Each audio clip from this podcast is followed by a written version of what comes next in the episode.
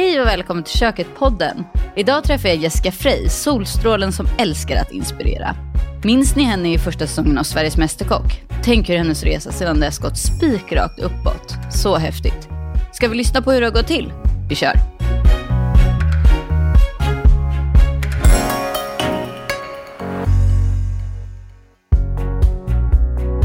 Jessica Frey är den färgglada matinspiratören vi älskar att inspireras av. Med sin frekventa närvaro i Nyhetsmorgon och filosofin hur lätt som helst har hon funnit platsen i många hemmakockars hjärtan. Utöver tv-närvaron har hon skrivit hela 11 kokböcker med tema enkel och god mat till vardags och fest. Vi är så nyfikna på var denna superinspiratör hittar sin inspiration och vad som händer härnäst. Varmt välkommen säger vi till Jessica Frey!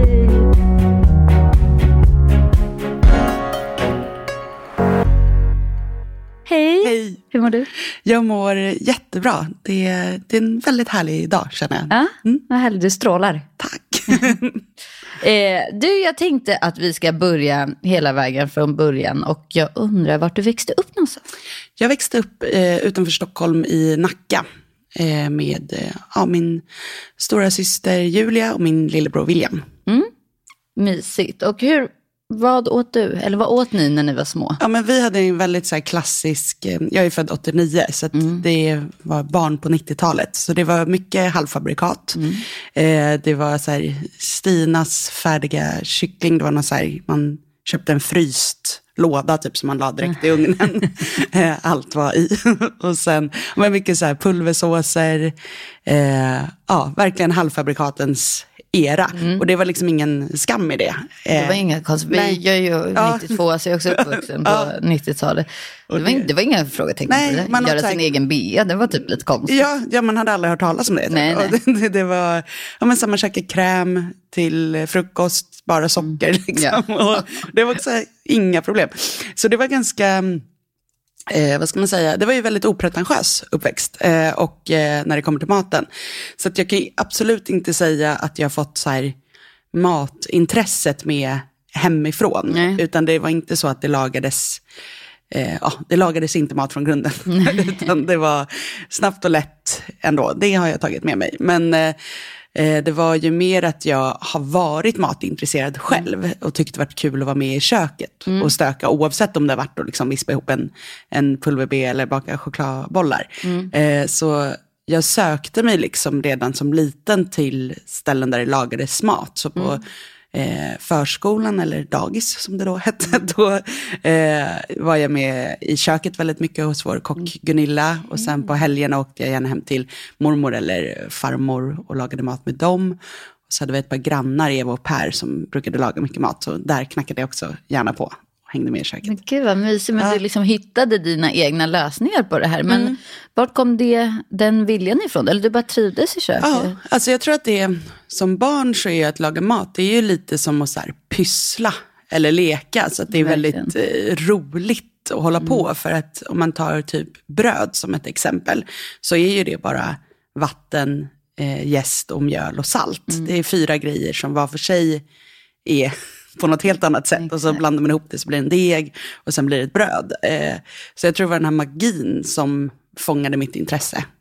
Visste du att du ville jobba med matlagning redan då när du var ung? Mm, eh, jag tittade ju då på TV4s eh, Middagstipset, hette det ju på den tiden. Och det gick ju eh, ja, som en del av Nyhetsmorgon, men det var också något annat som gick så supertidigt på morgonen vid fem.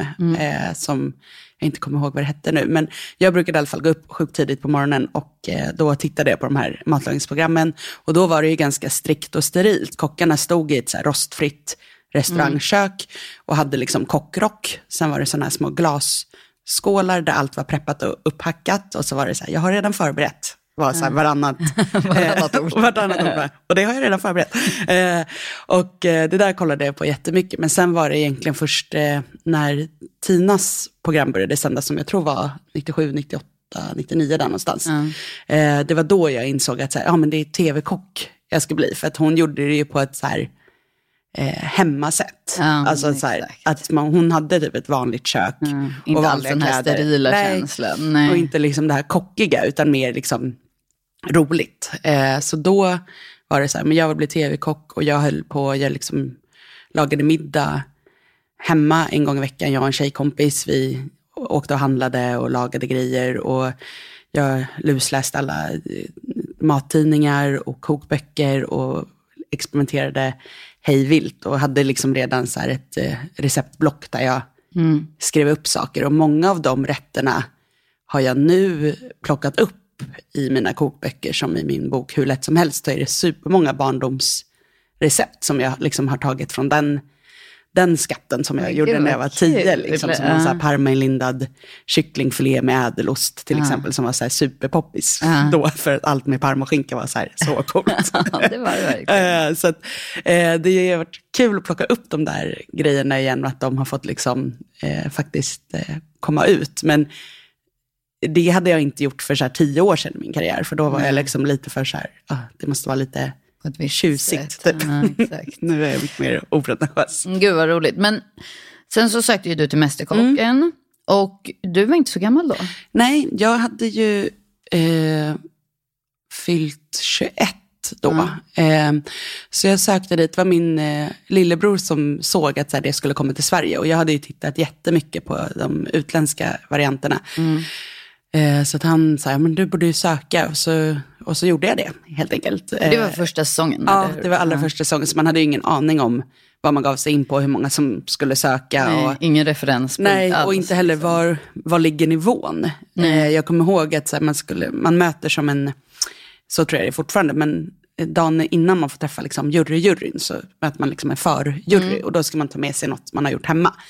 Eh, och det var så i september när man sökte in. Så jag hade gjort en jättegod äppelpaj. Men med, så här, med calvados och liksom någon liten gelé. Och den var så ganska avancerad, men ändå en äppelpaj. Ja. Eh, som jag stod med, som var i en så form. Och så hade jag bara lagt lite folie på. Typ. Och så stod jag i den där kön. Och då hade ju folk liksom massa kylväskor och typ hela familjen var med och bar och hade så perfekt porslin till. Och där stod jag liksom med min lilla paj med lite folie på och bara, det här håller inte. Liksom. Jag har missuppfattat. ja, så här, jag skulle ansträngt mig lite mer. Men, men jag stod i alla fall kvar i kön och det är jag väldigt glad för. För att det man sen inser när man är med i det programmet är att så här, det spelar ju faktiskt ingen roll alltså hur många rätter du har eller liksom hur avancerad tekniken är. För om det inte är gott Nej, så okay. faller det ändå. Så det är mycket bättre att göra en så här svingod äppelpaj än att ha liksom 17 olika rätter som är halvgoda. Mm. Eh, mm. Sen har ju nivån höjts ja. år efter år. Liksom. Gud, de som är med nu är så fruktansvärt ja. duktiga från början ja. känns det som. Vad sa de då sen när du kom in? Nej men eh, de säger ju ingenting, eh, precis som på tv ja. typ. Utan man får liksom hålla låda och så smakar de och så ringer de tillbaka då om mm. man ska få komma nästa dag igen. Mm. Och det gjorde de först senare på kvällen, så det var ganska lång tid. Men det jag kommer ihåg som jag störde mig mest på var att jag hade tänkt ut liksom två outfits. En jag skulle ha på den här fördagen och en jag skulle ha på den riktiga dagen. Och eh, då berättade de sen när de ringde att du måste ha samma kläder på dig imorgon. För vi har filmat så lite kön och sådär idag. Så att, eh, och då var jag så sur att jag liksom hade sparat min snyggaste outfit till nästa dag. Till juryn. Liksom. Ja, men då fick jag ta på den gamla. Men eh, ja, så det, oh, sånt tänkte jag på. Ja. Många tankar ja. i rullning. Exakt.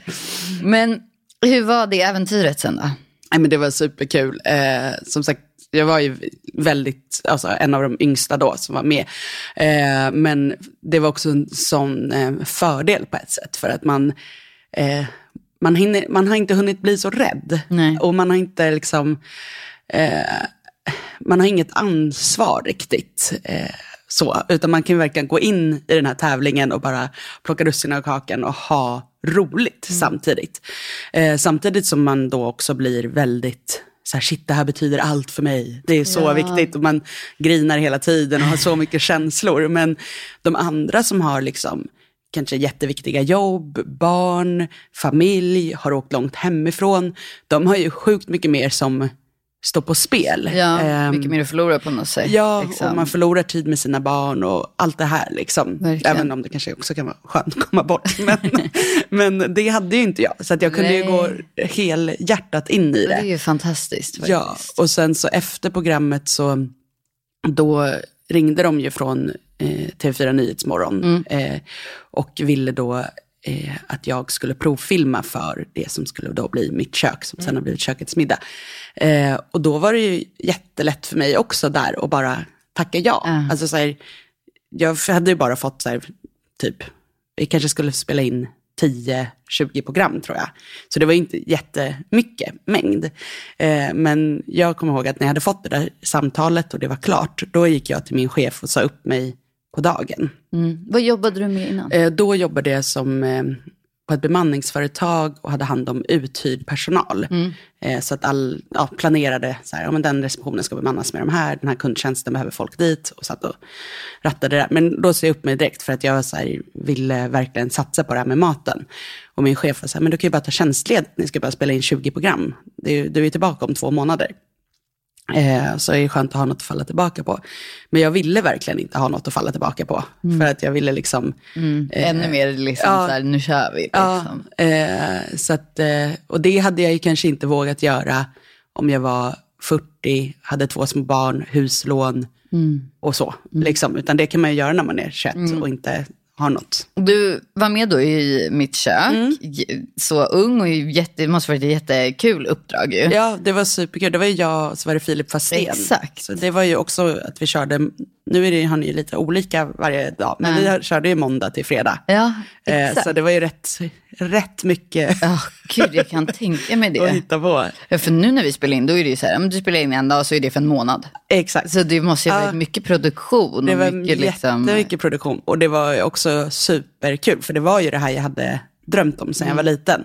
Och när vi spelade in de första fem avsnitten, för när jag var liten då lekte jag och min lillebror alltid tv-kock. Ja. När vi gjorde mellis. Så här. Eh, och det kunde vara liksom att man rostade bröd bara. Att, ah, idag har vi rostat ett bröd. Då kommer vi börja med att bre på smör och det är viktigt att bre hela vägen ut i kanterna. Alltså så här, så höll vi på sådär hela tiden. Det var allt för oss. Receptet hittar du på vår hemsida. Eh, men då, eh, så när vi hade gjort den här första dagen, så David som eh, var producent då, kanske fortfarande är, eh, han eh, kommer ihåg att han sa till mig så här, han bara, gud jag vet inte Jessica, det känns lite som att du har gjort det här förut. För att så här, du pausar på rätt ställen, du så här, tittar in i kameran, du har liksom Vi har koll på- övat hela mitt liv. ja, men det var verkligen så. Jag bara, nej, inte alls, men så här, hela min barndom har jag stått och letat kameravinklar. Eh, så, så det var skitmycket produktion, men det kändes som att jag var ganska rustad för det. Liksom. Jättekul Eh, ja, men sen, jag tror att vi gjorde det ungefär ett år. Ja. Eh, med det tempot liksom. Och sen så skulle det in liksom nya, nya kockar. Och då var det lite så här livs, livs, livskris. Bara, vad, vad är jag nu? För att det var ju samtidigt man hade hunnit bygga upp ganska mycket. Ja, men men det ska också då Förvaltas. förvaltas. Eh, så det, Vart tog du vägen sen då?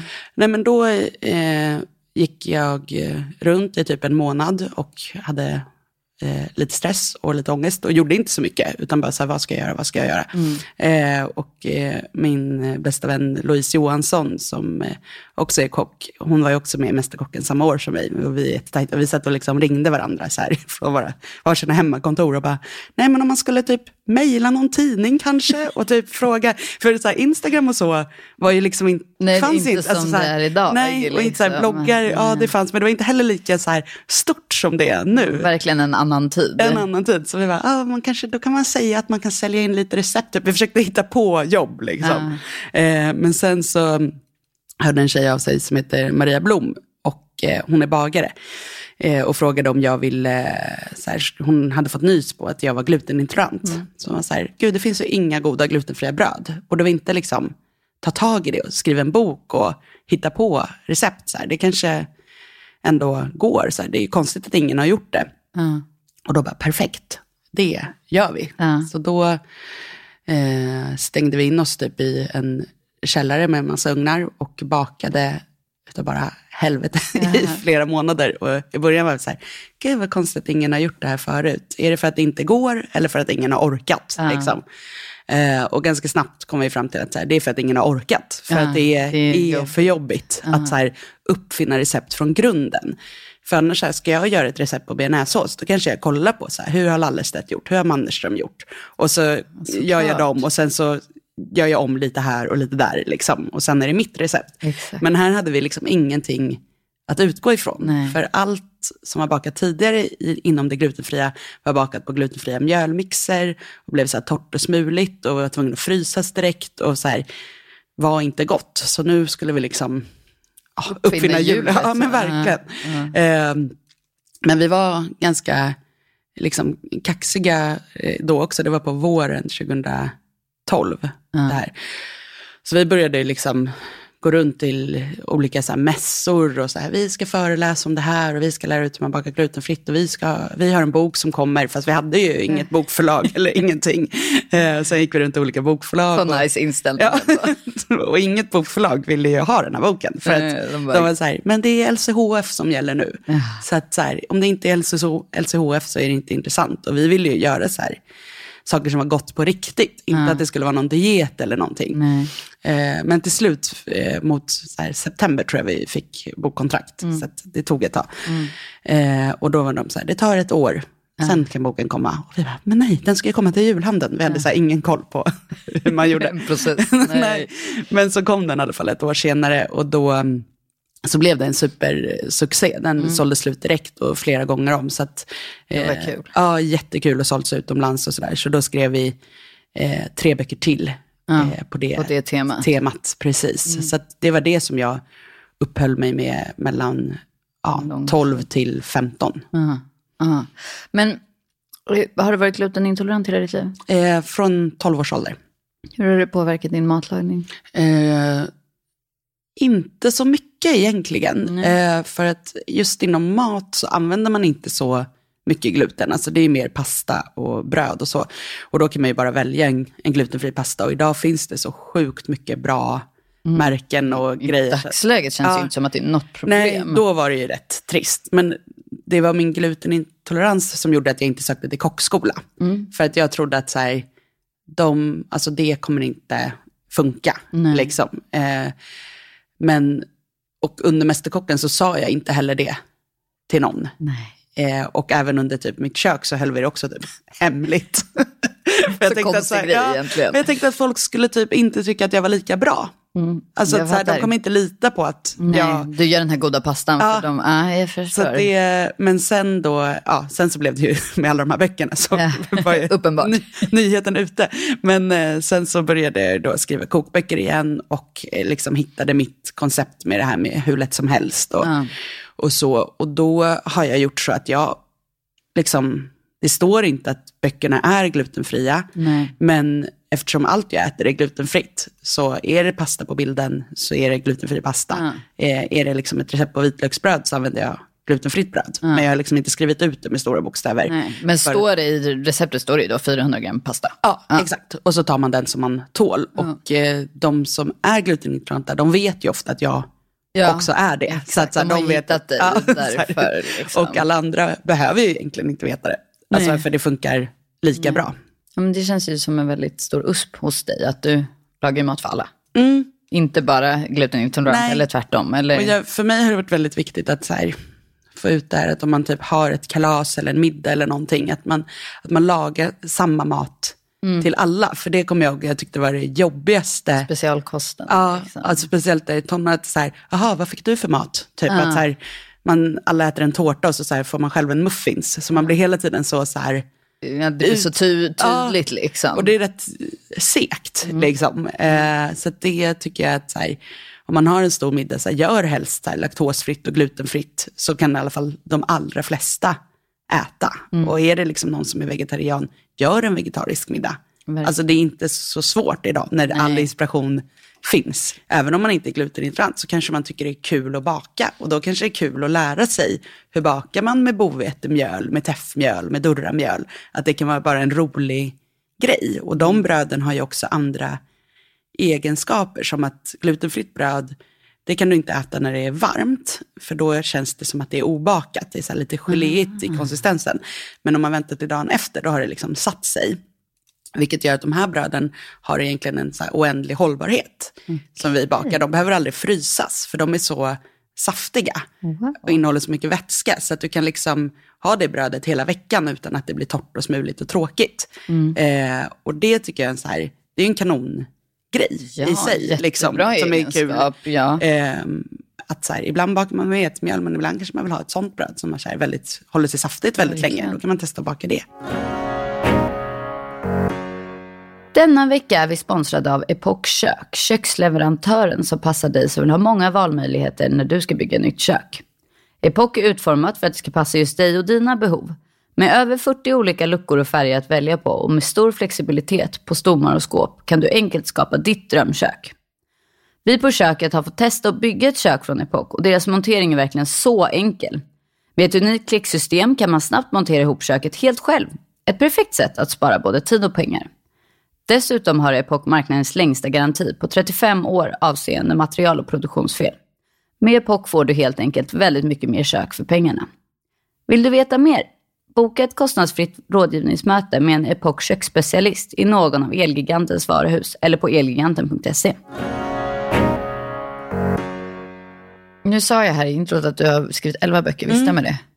Eh, ja, eh, det stämmer nog. Börjar- Kan vara 12. För det kommer ju en precis nu. Som blir, Exakt. ja, det blir nog nummer Men det är 12. väldigt många ja, böcker i alla fall. Ja, det är väl, när jag skrev den första, jag, sa, jag kommer aldrig göra en kokbok igen. För att jag tyckte det var så jobbigt. Ja. Eh, så var jag på en middag med Anette Rosvall och hon hade vid den tidpunkten typ skrivit 18 stycken. Jag bara, hur gör man det?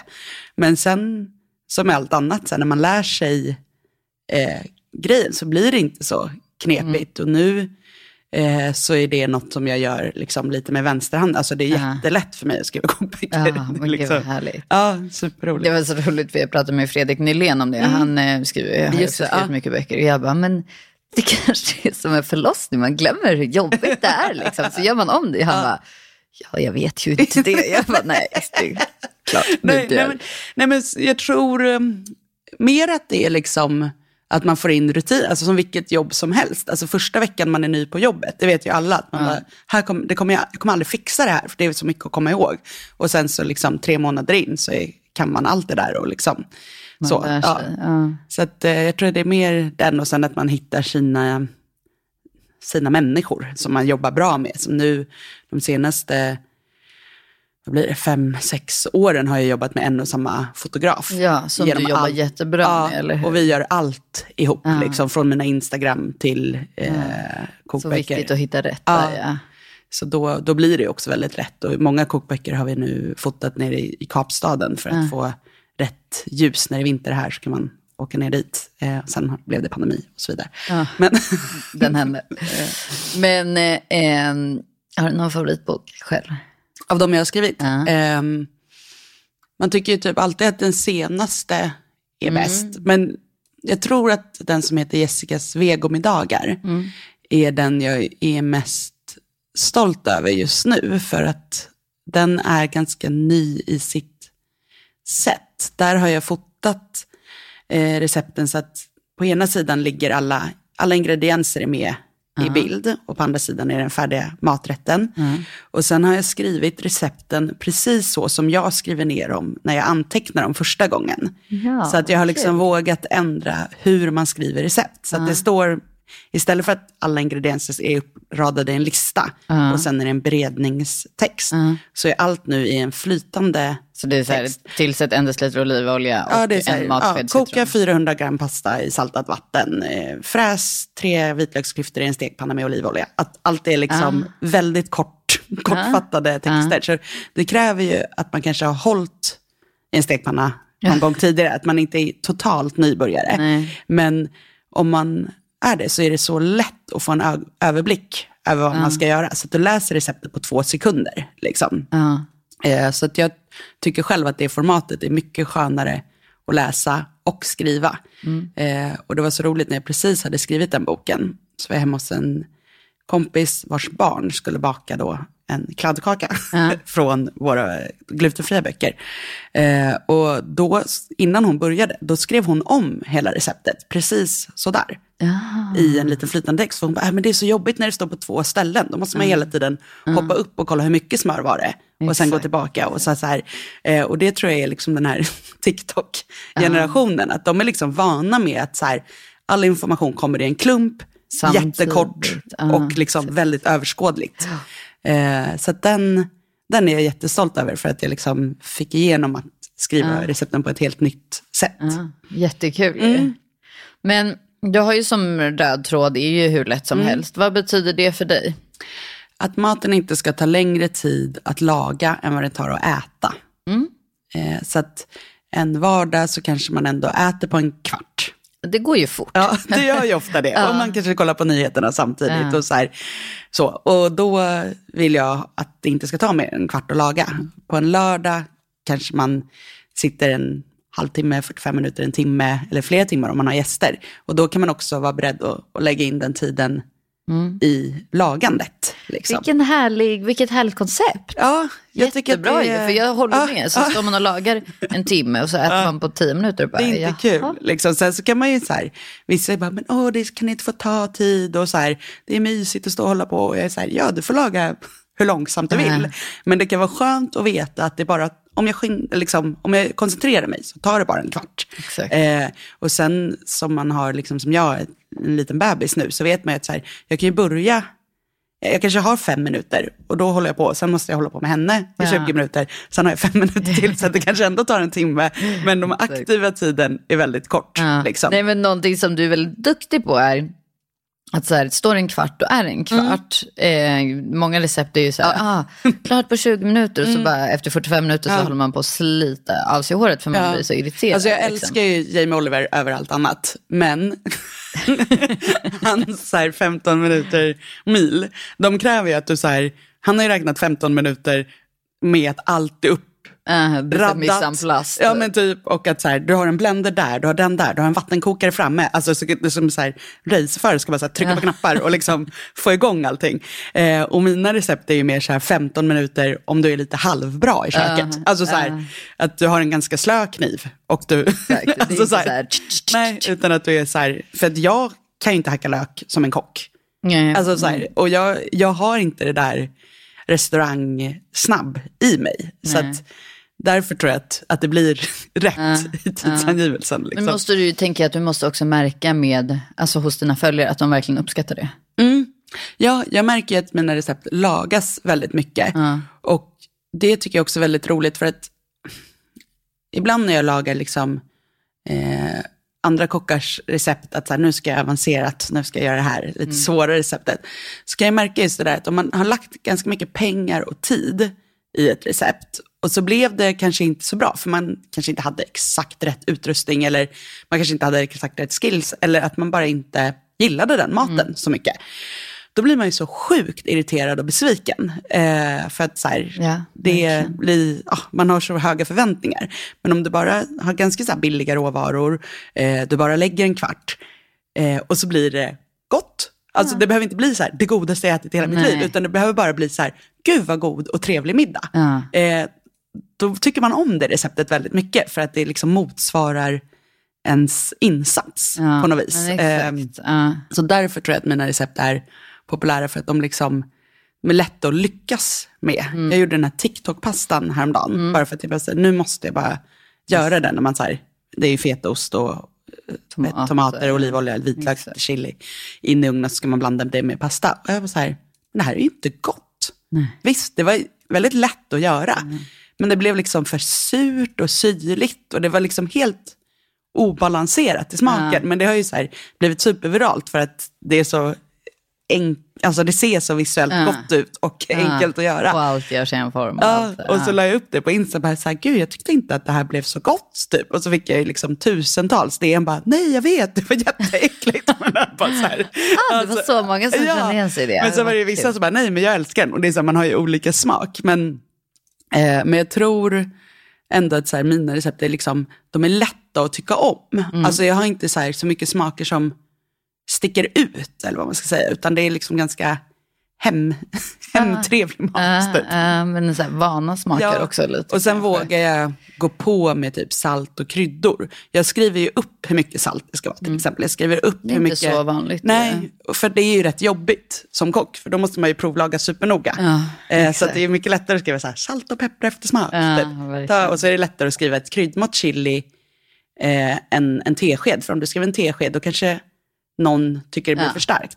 Men jag skriver så som jag som tycker det ska vara. Ja, Ja. Som du tycker att det blir godast. Precis, som jag gjorde, la upp ett recept igår och då var det typ så en deciliter torkad dragon. Och då är det så här, stämmer en deciliter? Mm. Typ får hundra kommentarer. Bara, ja, det stämmer. Men det är också en krydda som du inte kan Nej, få för mycket av. Typ. Alltså den blir inte Nej, det- stark. nej, eller liksom. exakt. Så, Där är ju också att det är alltid upp till den som Ja. lagar att smaka av. Precis. Alltså gillar man inte dragonen ja, då... då kanske du inte ska göra det receptet. Det är en deciliter.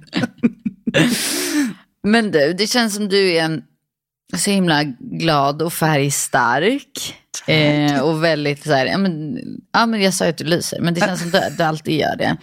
Men du känns också som att du är väldigt så här, engagerad i mycket frågor. Eh, Mm. Ja, Förstår du hur jag ja. tänker? Alltså det är så här, vad, vad, vad engagerar dig? Eller vad Ja. gör dig liksom förbannad eller liksom arg? Eller?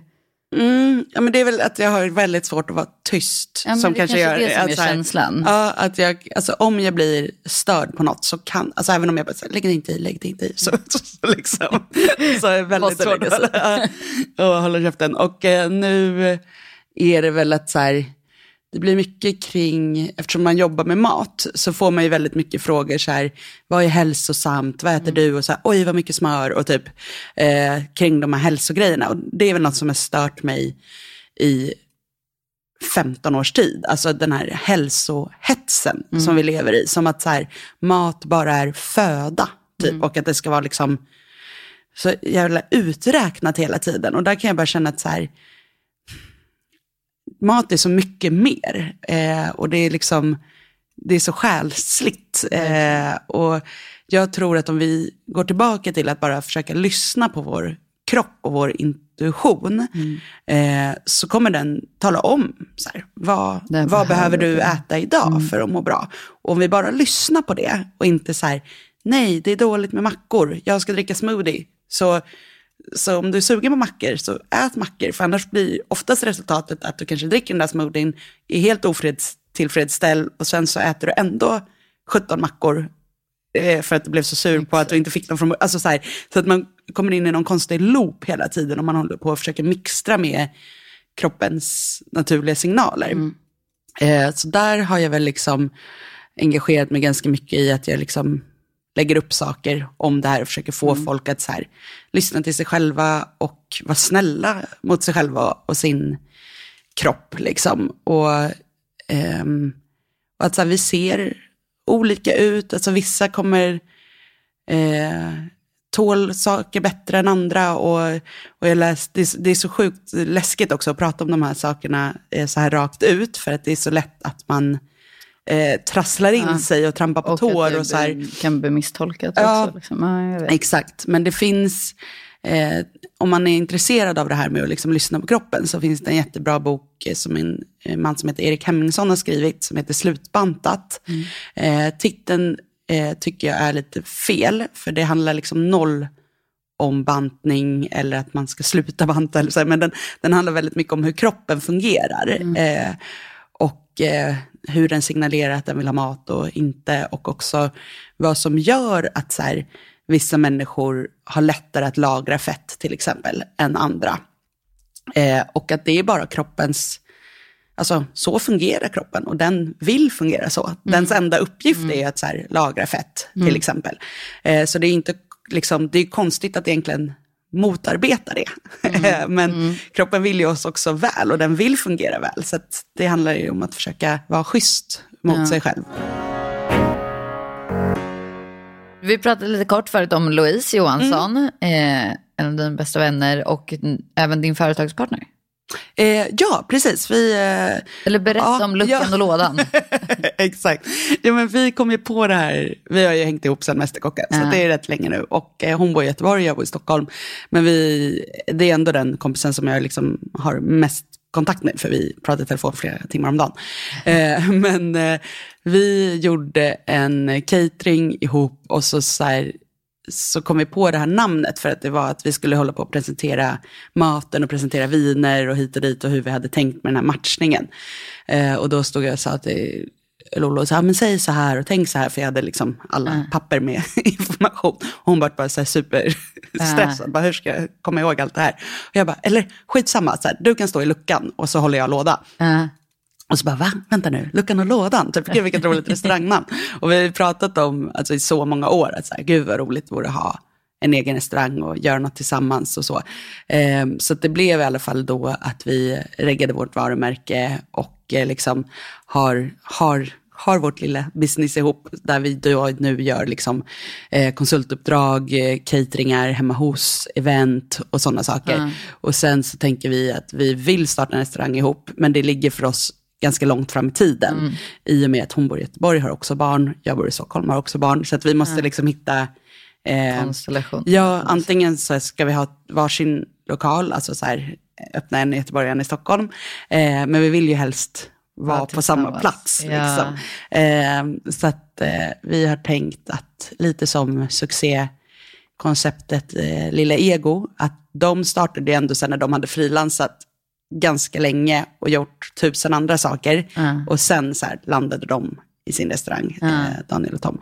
Så vi har lite det som så här, förebild. Att så här, när vi är klara med liksom allt. Fattande, ingen stress vi... tänker jag. Nej, ingen stress alls. Nej. Och, det är vår... och fint att ha en sån dröm.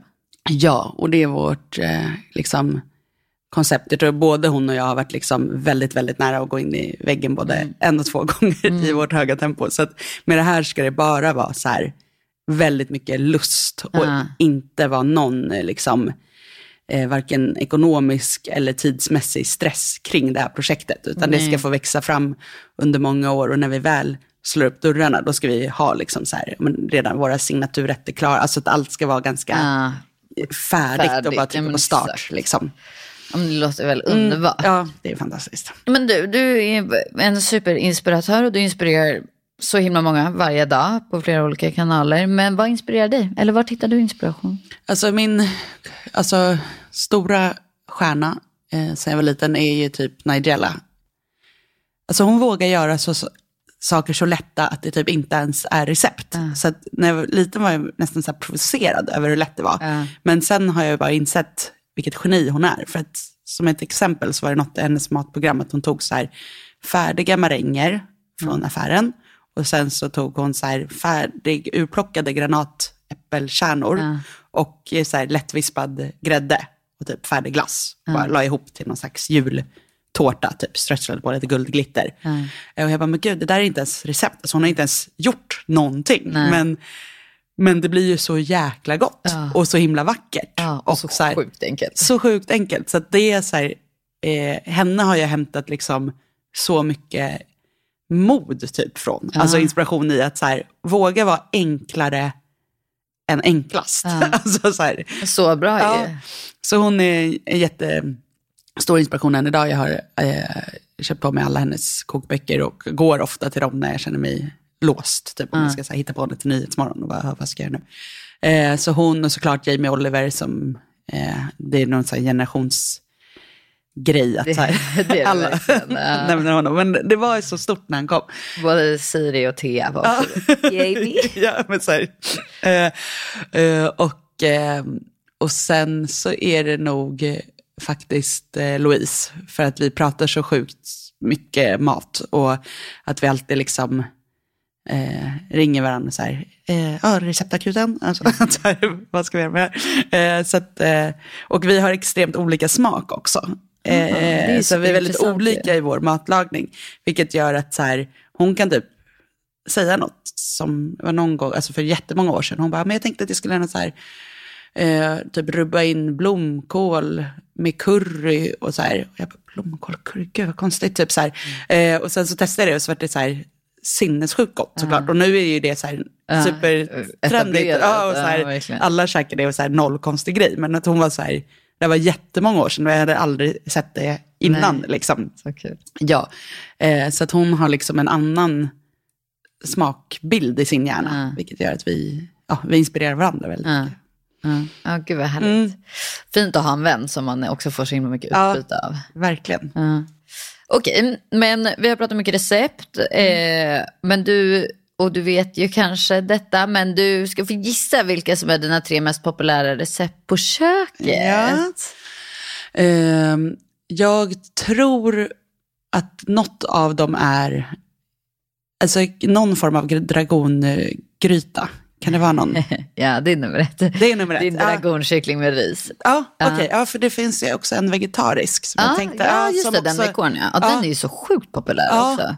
Precis, men jag tror att den där med kyckling har ju Den legat har, längre. Ja, den har några år på nacken. Sen är det en, en sparrispasta också som jag vet många lagar, men den, Mm, den kanske är- inte är så Nej, den är, poppis. lite, den är Ja. väldigt populär, men den är Ja. Mm. så säsongig. Så att jag skulle säga att det, det som är nummer två är väldigt gångbart året runt. Det är mer tillbehör kan vi säga det. Eh, oj, tillbehör. Är det någon sås eller något? Nej. Nej, En det är potatis. krossad potatis Ja, ja. med vitlök och timjan. Ja, just det. Ja. Men det är också en sån, alltså det är så gott. Ja, alltså det det, kan man göra, äta som chips. Ja, men ge mig Eller som- krossad potatis. Det är liksom allt jag Ja, vill en ha. god dipp till det liksom. Ja. Eh, potatis älskar jag ju, så det, det var ju kul. Den sista kanske är lite av en bubblare. Är det en smördegspizza? Nej. Nej, det är faktiskt dina vietnamesiska vårrullar. Jaha. Ja. Ja, nej, det var verkligen otippat. Eller hur? Ja. Inte helt självklart, Nej. men eh, väldigt kul för det är tre olika, helt Ja, olika men recept. de är ju också så trevliga så här, att göra istället för tacos på fredagen. Och de har ju två såser till, tror jag, Ja. eh, på köket. Som, är, ja, som ligger på samma sida, som också är så här extremt enkla. Men blir Så mycket smak. jättemycket Ja. smak. Som är så här, också typ grejer du har. Jag har ju aldrig så här krångliga saker heller Nej. i mina recept. Du behöver aldrig gå till så här asiatiska Livs. livsen. Vad har du för planer framåt?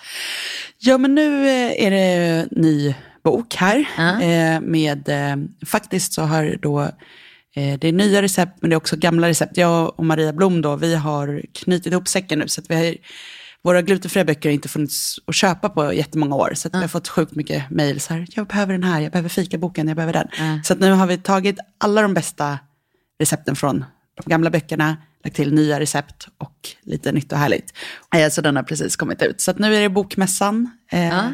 och eh, ja, boklansering. Ja, eh, så kul. det känns jätteroligt. Och sen håller jag faktiskt på och fotar min nästa kokbok Ja. nu också. Eh, som blir en till bok för Lättläst förlaget. Eh, för den senaste jag gjorde hette då eh, Laga mat i steg för steg i bild och text. Jag. Men det är i alla fall ett förlag som ger ut extremt lättlästa böcker Mm. med väldigt lite text och så är allting i, i bild. Väldigt visuellt. Ja, eh, så det är jättebra om man har liksom läs och skrivsvårigheter eller andra svårigheter att ta sig igenom en lång text. Mm.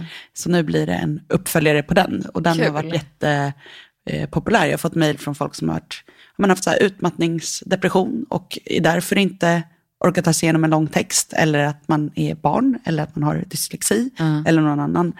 Eh, Så bra ju. Ja, Ja. jättebra. Så att, eh, och de är också väldigt roliga att göra för mig för att det är, det är ett helt nytt sätt att tänka i foto. Att du ska ha med allting Ja. på bild. Alltså om det är hacka lök så ska det vara bild att man hackar lök. Ja. Ska löken läggas i stekpannan så ska det vara bild på att den läggs i stekpannan. Ja, det är att- väldigt ja, pedagogiskt. Ja, liksom. Extremt. Så det är lätt att glömma något Ja, steg. jag förstår det. Ja. Saltavann så ska det liksom åka ner i Saltavann. Ja. Och då måste ju också recepten vara sjukt enkla, för det kan ju inte vara liksom 400 sidor med bilder. Nej, Utan det får ju vara väldigt få steg. Det passar liksom. ju dina Mm. enklaste recept väldigt bra. Ja, Ja, och jag tänker också det känns som att en trend nu på scen ska ju också vara nästan att kokböcker ska vara lite personliga och mycket text Mm. Ja, snarare. precis. Om man ska berätta om den här Ja. Mm. rätten, vart den kommer ifrån och sånt där. Så också lite uppfriskande med någonting bara så här. ja, recept. Ja, exakt. Det här ska du göra Ja. liksom. Nej, men så det, och det har varit en kul eh, eh, liksom, twist nu när man har, jag har gjort otroligt många böcker. Så, att, så här, det är roligt att göra något, något helt annat. Ja. Liksom. Vi har pratat på hur länge som helst Mm. känns som nu. Så nu ska jag eh, vilja avsluta det här samtalet med fem snabba frågor. Mm. Och då undrar jag, vad skulle du välja för sista måltid i livet? Ja, alltså jag har ju en rätt som jag alltid blir så här lugn och trygg och glad av. Och det är bara helt vanlig klassisk potatisgratäng. Ja.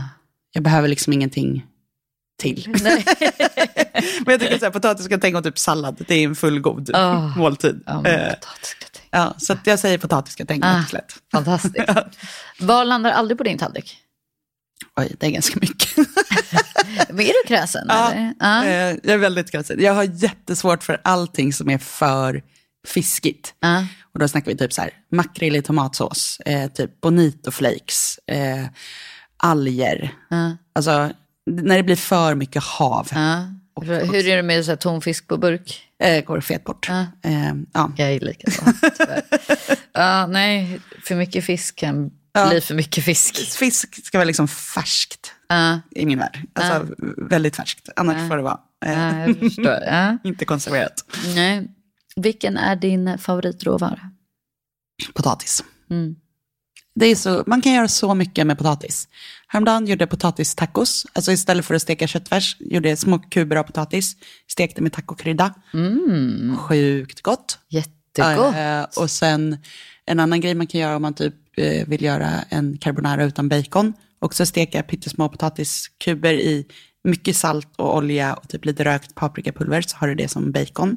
Ah, jättebra. Alltså så man kan ha liksom potatis till så jäkla mycket, grejer. Men framförallt då potatisgratäng bara. Alltid. Återkomma till potatisgratäng. Ja, men potatis är också en sån här råvara som man bara alltid ska göra för mycket av. För det är Ja. det bästa. Alltså, vi Ja. pratade om krossade Ja, potatisen. precis. Alltså, Ja, men speciellt alltså, ja, när det är färsk potatis, då är det Ja. bara knäckebröd, extra saltat blir gott, någon stark ost, skivad potatis, Ja. örtsalt.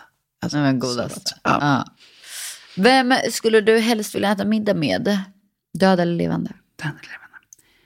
Jag kommer säga jättepretentiöst svar, eller liksom kanske ett tråkigt svar, men mina syskon.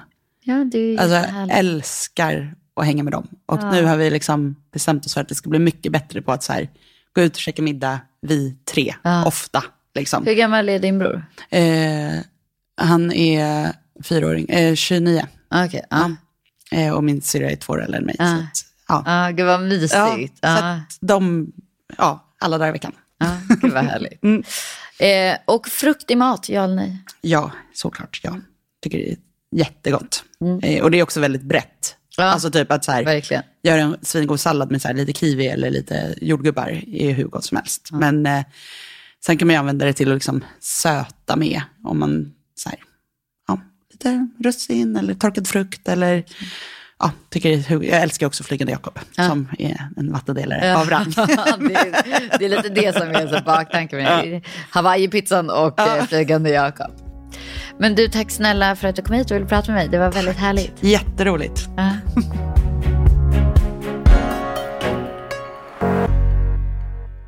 Tack för att du lyssnade på dagens avsnitt. Visst är hon underbar, Jessica? En så klok person, verkligen. Nästa vecka träffar jag superkocken Erik Videgård som lär mig allt om mat från Sichuan, hur det är att jobba i Ryssland och hur medverkan i Nyhetsmorgon såg ut för över tio år sedan. Ja, du hör ju, det här får du bara inte missa.